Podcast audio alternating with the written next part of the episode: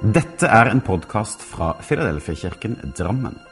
Vi ønsker å være en kirke for alle generasjoner gjennom alle sesonger i livet. Vi håper denne talen vil skape noe godt, og at du kan finne både håp, trøst og styrke i den kristne tro. Les mer om vår kirke på filadelfiadrammen.no.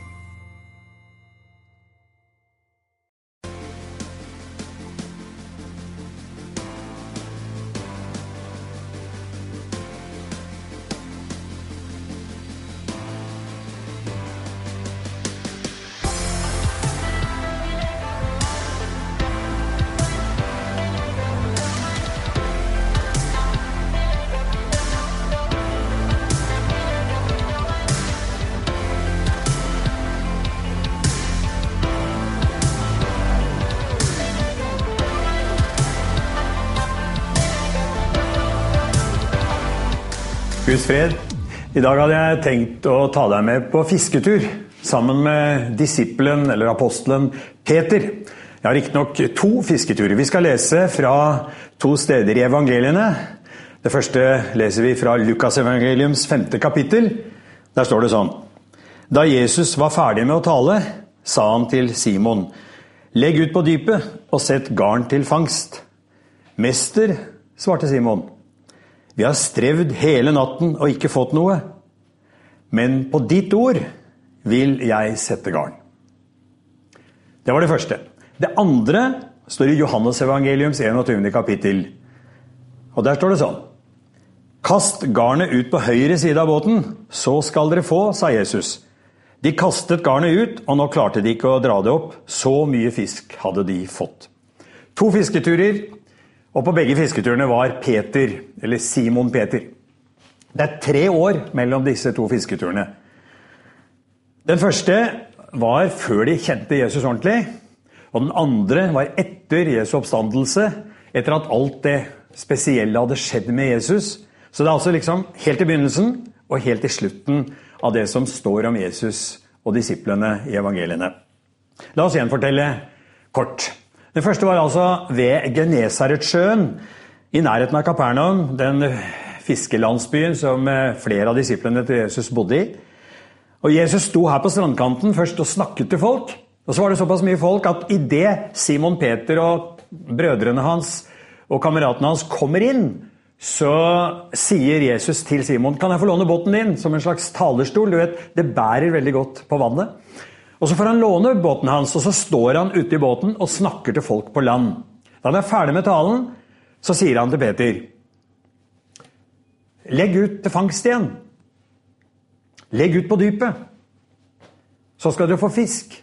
Ja, det var da Simon Peter sa Vi har strevd i hele natt, og vi har ikke fått noen ting. Og nå var det morgen, og Jesus han var jo tømmermann, så han, kanskje han tenker inn i hodet sitt også han der har ikke mye greie på fisk. Vi legger jo ut på grunnene, og vi legger ut om natta. Men så er det et eller annet med hans inntrykk av Jesus. Han sier på ditt ord så legger vi ut igjen. Og så gjør de det. Midt på lyse dagen, helt sånn bortenfor all forstand, og så får de masse, masse fisk. Og når det skjer, og de kommer til land igjen, så siger Simon Peter ned på kne foran Jesus så sier han 'gå fra meg', for jeg er en syndig mann. Det er et eller annet hellig som kommer over han, et eller annet han forstår er annerledes med Jesus. Men så får Jesus han opp på beina igjen, og så sier Jesus 'ikke vær redd'. Du har fanga fisk i Genesaretsjøen inntil nå. Fra nå av skal du følge meg, og jeg skal gjøre deg til menneskefisker. Og fra da så begynte han å følge Jesus. Så går det tre år. Tre år som inneholder det meste. Det er en så fortetta historie gjennom evangeliene. De fulgte Jesus, han og andre disipler, menn og kvinner. Og de så utrolige ting.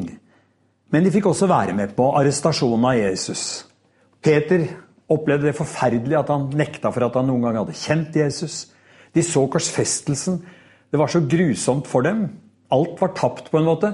Også dette uforklarlige med den tomme graven og Jesu oppstandelse. Hva hadde skjedd? Og ikke minst hva nå? Tre år bortkastet. Hva hender etter dette? Tenkte de kanskje. Og så står det i begynnelsen av det 21. kapittelet i Johannes-evangeliet. Siden åpenbarte Jesus seg enda en gang for disiplene. Det gikk slik til. Dette 21. kapittelet i Johannes-evangeliet kan vi like godt merke oss nå. Det er et tilleggskapittel. Hvis du leser evangeliene, les slutten av det 20. kapittelet, og du ser at det er en slags normal avslutning på en historie. Og så er det som om Johannes som skriver, kom på en historie til. Og det er da han begynner sånn Siden en gang til åpenbarte Jesus seg. Og i det ligger det et ganske nydelig, nådefullt budskap. Kanskje Peter hadde tenkt, etter at han hadde sviktet og det meste hadde gått gærent, at det var over. Men det var aldri over i forholdet mellom Jesus og dem. For Jesus hadde til hensikt å møte dem enda en gang. Og Det er et nydelig uttrykk som vi gjerne kan ta med oss. De hadde strevd hele natten i den første fortellingen. De hadde ikke fått noen ting. Og vi kan vel av og til si vi har ikke strevd bare en natt. Vi har strevd kanskje ei uke eller måned. Kanskje mange kan til og med si vi har strevd hele livet, vi. Og det ble ikke så mye ut av det. Det er en menneskelig erfaring at mange ganger, særlig når vi blir litt voksne og litt eldre, at vi kan se tilbake på livet, og vi fikk ikke det ut av det som vi hadde tenkt. Enda en gang sto det at Jesus skulle møte dem.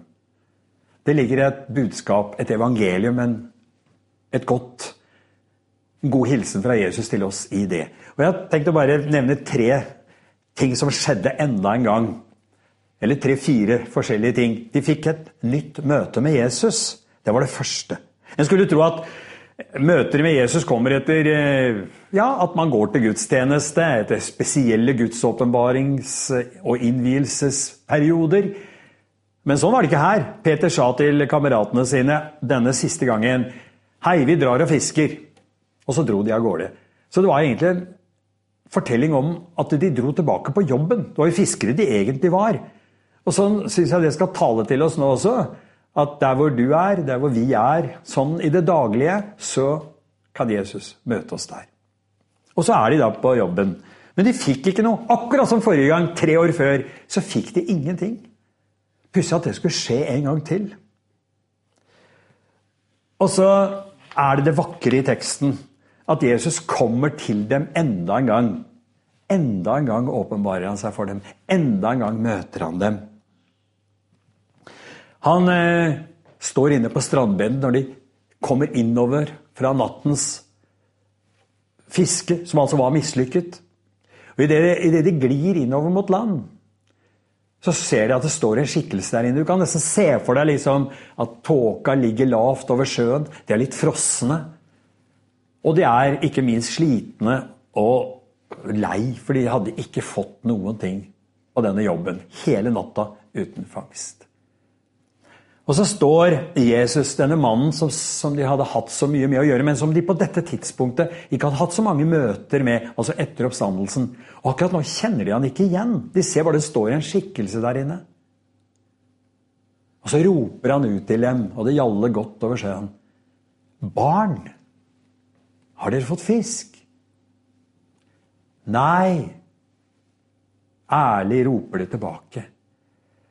Og så sier han til dem, Kast garnet på den andre siden, på høyre side av båten, sier han. Så skal dere få. Kanskje akkurat da tenker de tre år tilbake. Tenker dette har vi hørt før. Og så gjør de det. Kanskje nesten litt sånn automatisk. De bare drar garna over på den andre siden av båten. Og det er nesten litt komisk, det der. For fisken vet jo ikke forskjell på høyre side av en båt. Det er jo bare et par meter, to-tre meter, en sånn båtbredde. Men det handlet om lydighet mot noe de ante. Og så kaster de garnet. Og så blir det fulle garn igjen. Og akkurat når det skjer, og de hvelver fisken inn i båten, så er det at Johannes roper til de andre Det der er Herren. Og idet Peter hører det, så hiver han av fra seg garnet og hiver av seg frakken som han har over, og så kaster han seg i sjøen og kaver seg innover, og så kommer båten inn etter hvert. De får et nytt møte med Jesus. De får sannelig også et nytt møte med seg selv. For idet de innrømmer det, at de ikke har fått fisk, så er de på gang mot på en måte å erkjenne ja, sin egen tilkortkommenhet, sånn liv av og til kan være. Når de kommer inn til land, så ser de at det er et bål der. Jesus har allerede tent et bål. De snakker ikke sammen. De veksler ikke et eneste ord i begynnelsen av det som hender der inne på strandbredden. Men de ser bare at det er et bål der. Oppå det bålet ligger det noen stekte fisk og litt brød. Og så sier Jesus til dem, 'Kom og spis, da vel', sier han. Det er det eneste han sier. Ta med dere litt av fisket deres, så henter de litt fisk fra båten. Så setter de seg rundt bålet, og du kan, eh, bålet, og du kan ane litt av den der gode følelsen. De får varmen i kroppen. De får spise. De er sultne, vet du. Og så sitter de der rundt bålet, og ingen våger å si et ord, står det faktisk i teksten. Og så er det som om Jesus selv bruker en, en pedagogisk formel, for han vet det, vet du. At den beste veien til et menneskes hjerte, det går gjennom munnen og gjennom magen. Det er mye lettere å snakke til mette folk. Med varme og mette mennesker. Så Jesus gjør det her. Han varmer dem. Han metter dem før en ganske spesiell samtale. Som i høy grad skal handle om et møte med seg selv. Etter at de hadde spist, så sier eh, Jesus Han bryter stillheten plutselig mens de sitter der.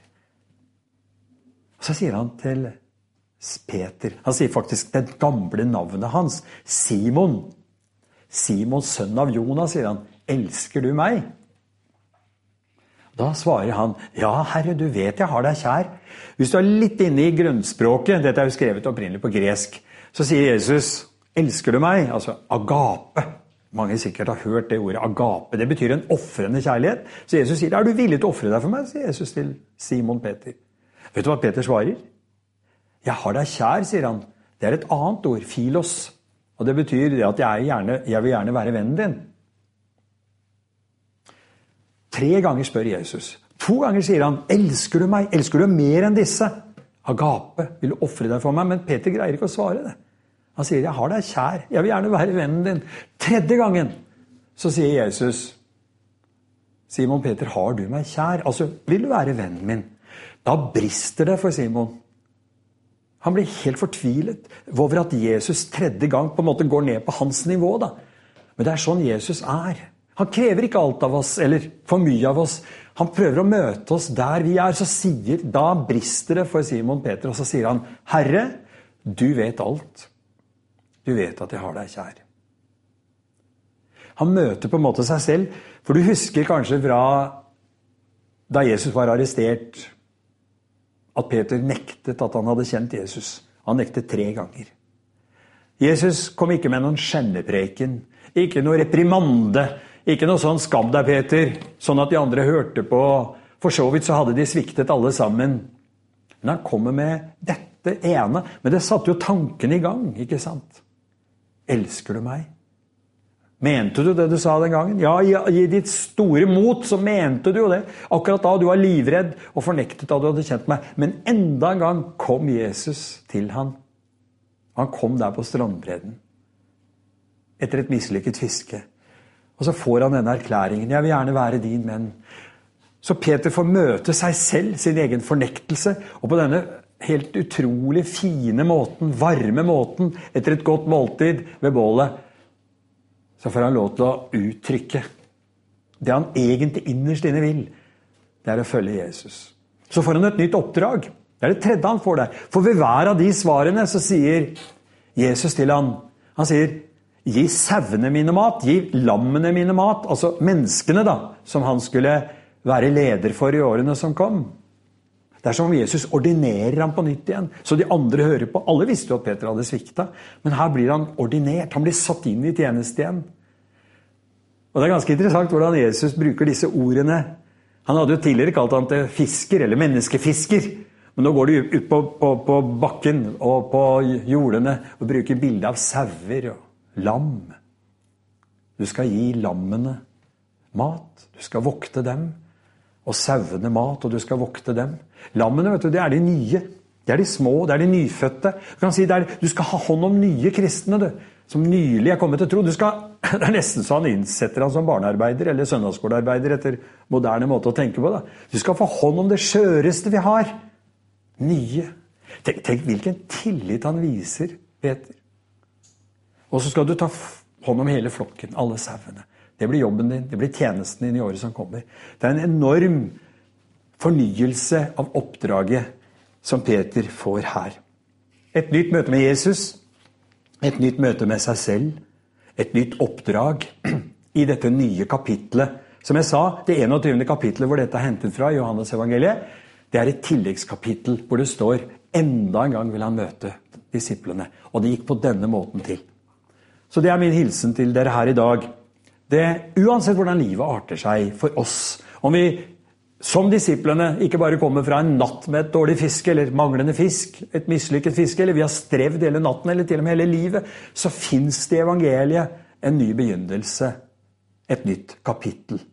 Så vit det, da, at uansett hvordan livet ditt er, det siste kapittelet er enda ikke skrevet. Har du lyst til å høre litt forresten fra det aller siste kapitlet? Tenk på da i hele Bibelen, eller det er det nest siste, men det er jo sånn at vi kan lese på forhånd hvordan framtida blir, vi som tror på Jesus. Da jeg var eh, liten gutt, eller ung gutt, så var jeg fryktelig glad i å lese. Jeg elsket å lese. Det var det beste jeg visste. Jeg hadde bare ett problem. Jeg har alltid vært redd. Jeg har ikke likt spenning. I hvert fall enda verre da enn nå. Og så hadde jeg et dilemma av og til når jeg leste veldig spennende bøker. Og særlig hvis det var kvelden, og jeg lå og leste. Og så tenkte jeg hvordan løser jeg der, den der sitrende spenningen som jeg syns nesten kunne være utålelig? Ja, jeg gjorde akkurat det du skjønner at jeg gjorde nå, og som sikkert andre har juksa med har gjort også. Jeg leste det siste kapitlet. Og så visste jeg at det gikk bra med helten. Og da kunne jeg gå tilbake og så kunne jeg lese. Jeg visste jo at det gikk bra til slutt. Har du lyst til å høre hvordan det går til slutt? Jeg skal lese fra Johannes' åpenbaring.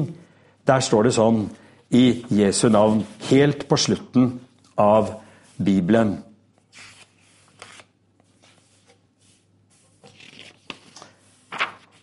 Og jeg så en ny himmel og en ny jord. For den første himmel og den første jord var borte. Og havet fantes ikke mer. Og jeg så den hellige byen, det nye Jerusalem, stige ned fra himmelen, fra Gud, gjort i stand og pyntet som en brud for sin brudgom. Og jeg hørte fra tronen en høy røst som sa, Se, Guds bolig er hos menneskene. Han skal bo hos dem, og de skal være hans folk, og Gud selv skal være hos dem. Han skal være deres Gud. Han skal tørke bort hver tåre fra deres øyne. Og døden skal ikke være mer. Heller ikke sorg eller skrik eller smerte. For det som en gang var, er borte. Og han som sitter på tronen, sa, Se, jeg gjør alle ting nye. Og han la til, Skriv det ned, for dette er troverdige og sanne ord. Dette er det siste kapitlet. Gud velsigne deg. Amen.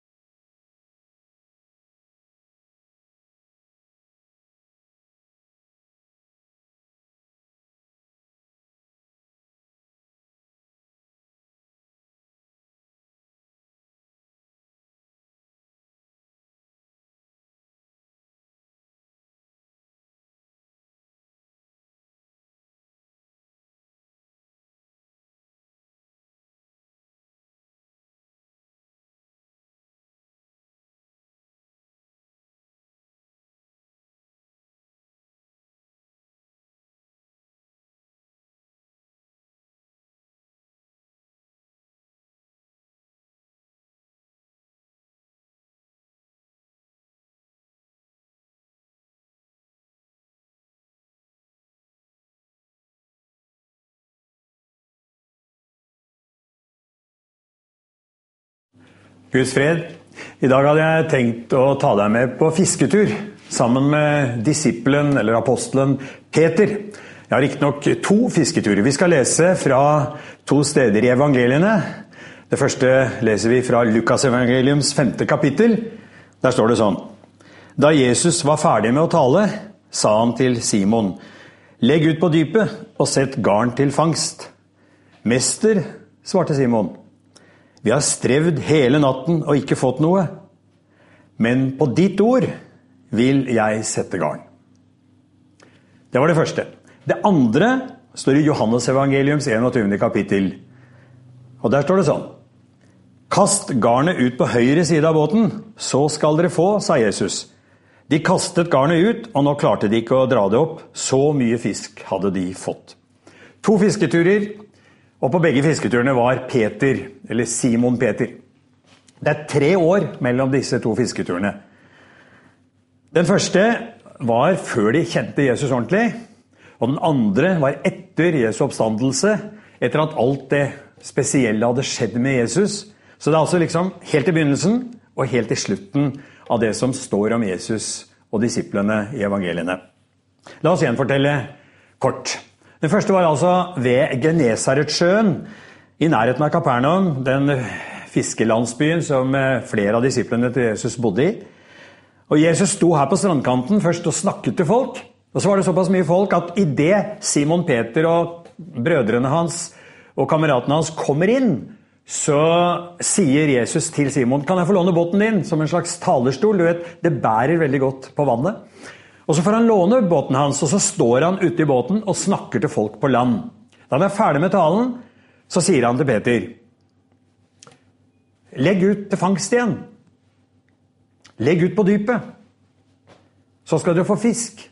Ja, det var da Simon Peter sa Vi har strevd i hele natt, og vi har ikke fått noen ting.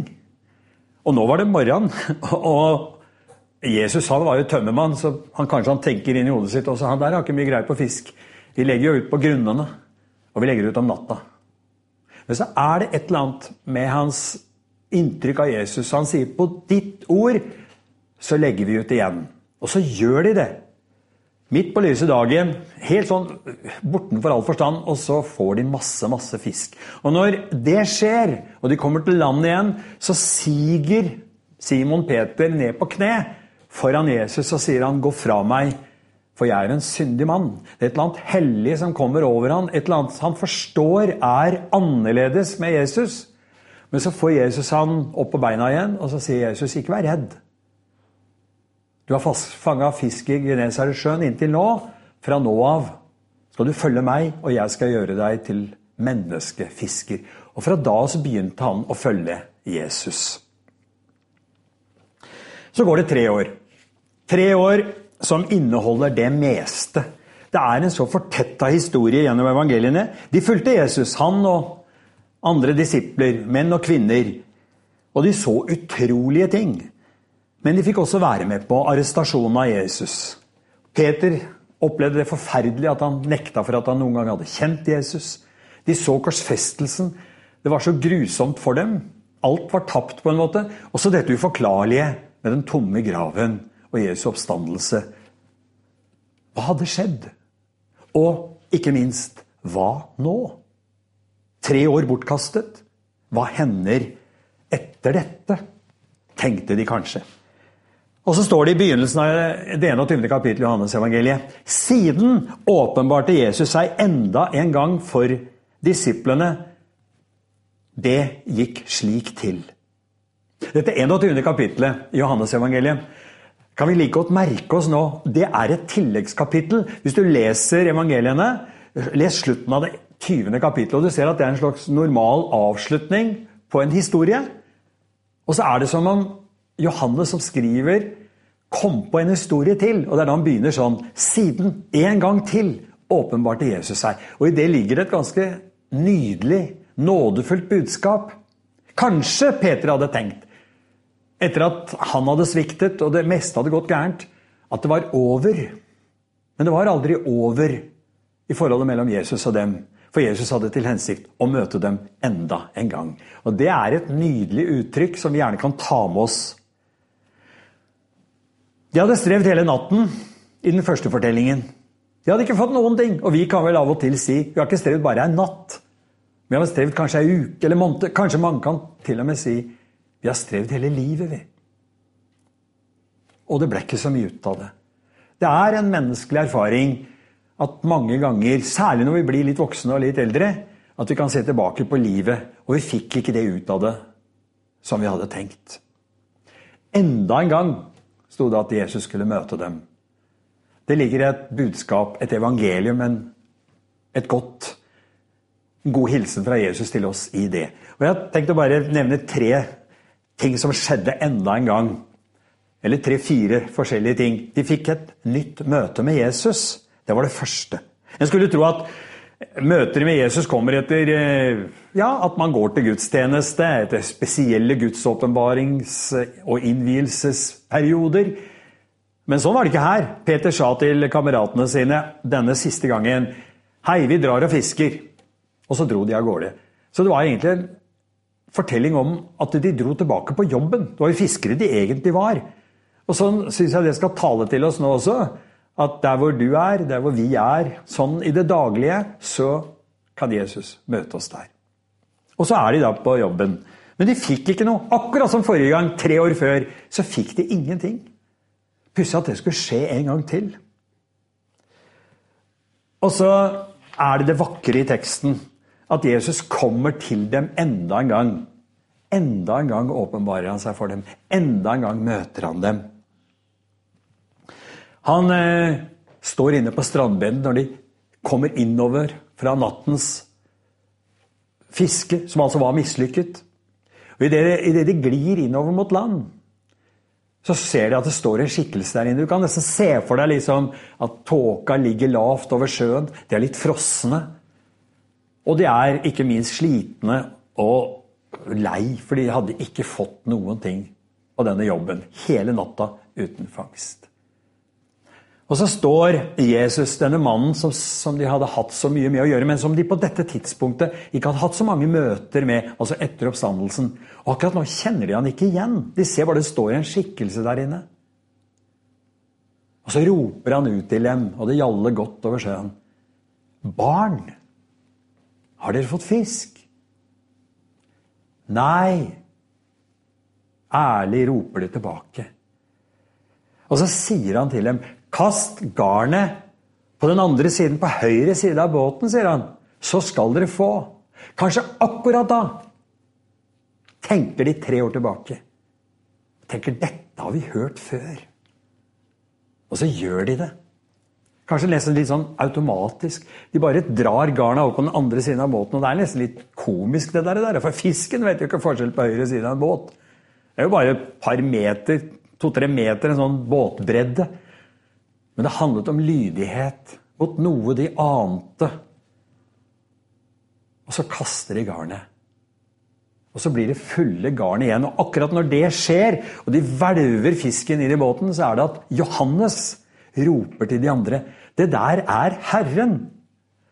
Og idet Peter hører det, så hiver han av fra seg garnet og hiver av seg frakken som han har over, og så kaster han seg i sjøen og kaver seg innover, og så kommer båten inn etter hvert.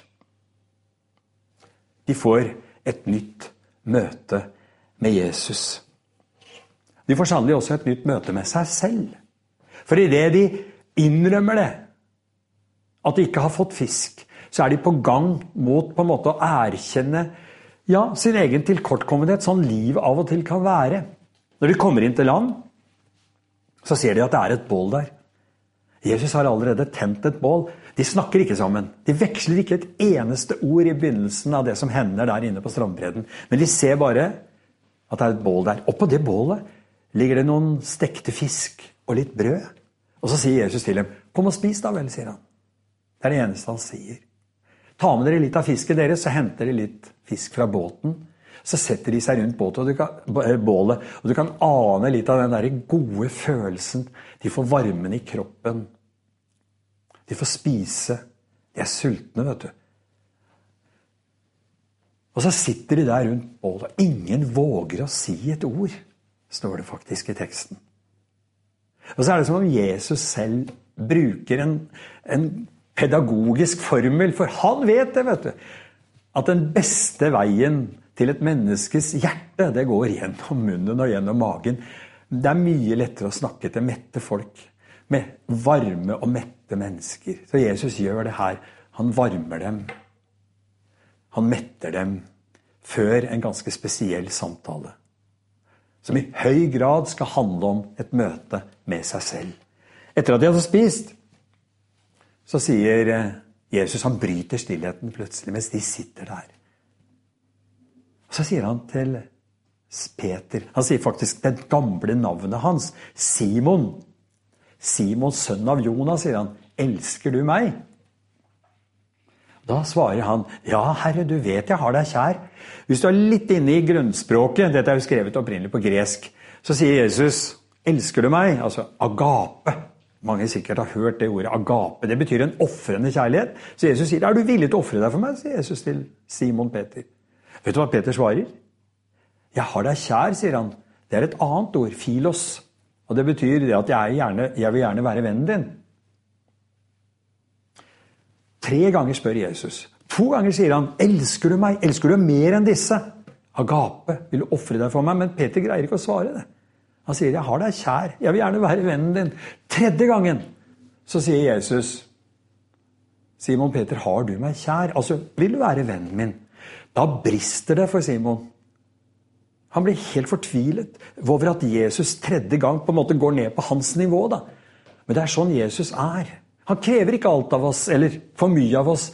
Han prøver å møte oss der vi er. Så sier, Da brister det for Simon Peter, og så sier han, 'Herre, du vet alt. Du vet at jeg har deg kjær.' Han møter på en måte seg selv, for du husker kanskje fra da Jesus var arrestert, at Peter nektet at han hadde kjent Jesus. Han nektet tre ganger. Jesus kom ikke med noen skjennepreken, ikke noe reprimande ikke noe sånn 'skam deg, Peter', sånn at de andre hørte på. For så vidt så hadde de sviktet alle sammen. Men han kommer med dette ene. Men det satte jo tankene i gang, ikke sant? Elsker du meg? Mente du det du sa den gangen? Ja, i ditt store mot så mente du jo det. Akkurat da du var livredd og fornektet da du hadde kjent meg. Men enda en gang kom Jesus til han. Han kom der på strandbredden. Etter et mislykket fiske. Og så får han denne erklæringen. 'Jeg vil gjerne være din menn'. Så Peter får møte seg selv, sin egen fornektelse, og på denne helt utrolig fine måten, varme måten, etter et godt måltid ved bålet, så får han lov til å uttrykke det han egentlig innerst inne vil. Det er å følge Jesus. Så får han et nytt oppdrag. Det er det tredje han får der. For ved hver av de svarene så sier Jesus til han, han sier Gi sauene mine mat, gi lammene mine mat. Altså menneskene da, som han skulle være leder for i årene som kom.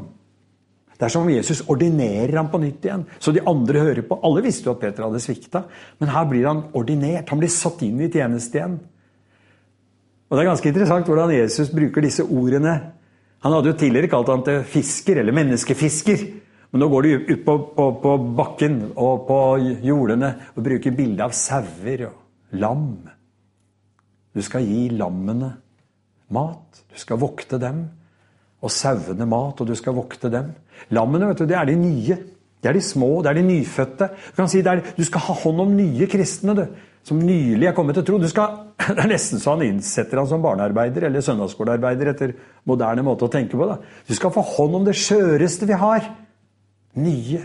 Tenk, tenk hvilken tillit han viser Peter. Og så skal du ta hånd om hele flokken, alle sauene. Det blir jobben din, det blir tjenesten din i året som kommer. Det er en enorm fornyelse av oppdraget som Peter får her. Et nytt møte med Jesus, et nytt møte med seg selv, et nytt oppdrag i dette nye kapitlet. Som jeg sa, det 21. kapitlet hvor dette er hentet fra, Johannes evangeliet, det er et tilleggskapittel hvor det står enda en gang vil han møte disiplene. Og det gikk på denne måten til. Så det er min hilsen til dere her i dag. Det, uansett hvordan livet arter seg for oss, om vi som disiplene ikke bare kommer fra en natt med et dårlig fiske eller manglende fisk, et mislykket fiske, eller vi har strevd hele natten eller til og med hele livet, så fins det i evangeliet en ny begynnelse, et nytt kapittel. Så vit det, da. At uansett hvordan livet ditt er, det siste kapitlet er enda ikke skrevet. Har du lyst til å høre litt forresten fra det aller siste kapitlet? Tenk på da i hele Bibelen, eller det er det nest siste, men det er jo sånn at vi kan lese på forhånd hvordan framtida blir, vi som tror på Jesus. Da jeg var eh, liten gutt, eller ung gutt, så var jeg fryktelig glad i å lese. Jeg elsket å lese. Det var det beste jeg visste. Jeg hadde bare ett problem. Jeg har alltid vært redd. Jeg har ikke likt spenning. I hvert fall enda verre da enn nå. Og så hadde jeg et dilemma av og til når jeg leste veldig spennende bøker. Og særlig hvis det var kvelden. Og jeg lå og leste. Og så tenkte jeg hvordan løser jeg der, den der sitrende spenningen som jeg syns nesten kunne være utålelig? Ja, jeg gjorde akkurat det du skjønner at jeg gjorde nå, og som sikkert andre har juksa med og gjort også. Jeg leste det siste kapitlet. Og så visste jeg at det gikk bra med helten. Og da kunne jeg gå tilbake og så kunne jeg lese. Jeg visste jo at det gikk bra til slutt. Har du lyst til å høre hvordan det går til slutt? Jeg skal lese fra Johannes' åpenbaring. Der står det sånn i Jesu navn, helt på slutten av Bibelen.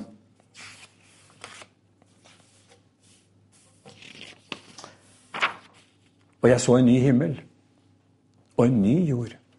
For den første himmel og den første jord var borte. Og havet fantes ikke mer. Og jeg så den hellige byen, det nye Jerusalem, stige ned fra himmelen, fra Gud, gjort i stand og pyntet som en brud for sin brudgom. Og jeg hørte fra tronen en høy røst som sa, Se, Guds bolig er hos menneskene. Han skal bo hos dem, og de skal være hans folk, og Gud selv skal være hos dem. Han skal være deres Gud. Han skal tørke bort hver tåre fra deres øyne. Og døden skal ikke være mer. Heller ikke sorg eller skrik eller smerte. For det som en gang var, er borte. Og han som sitter på tronen, sa, Se, jeg gjør alle ting nye. Og han la til, Skriv det ned, for dette er troverdige og sanne ord. Dette er det siste kapitlet. Gud velsigne deg. Amen.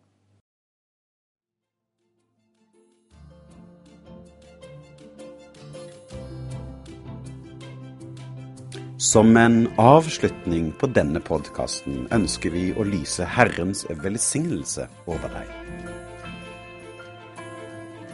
Herren velsigne deg og bevare deg.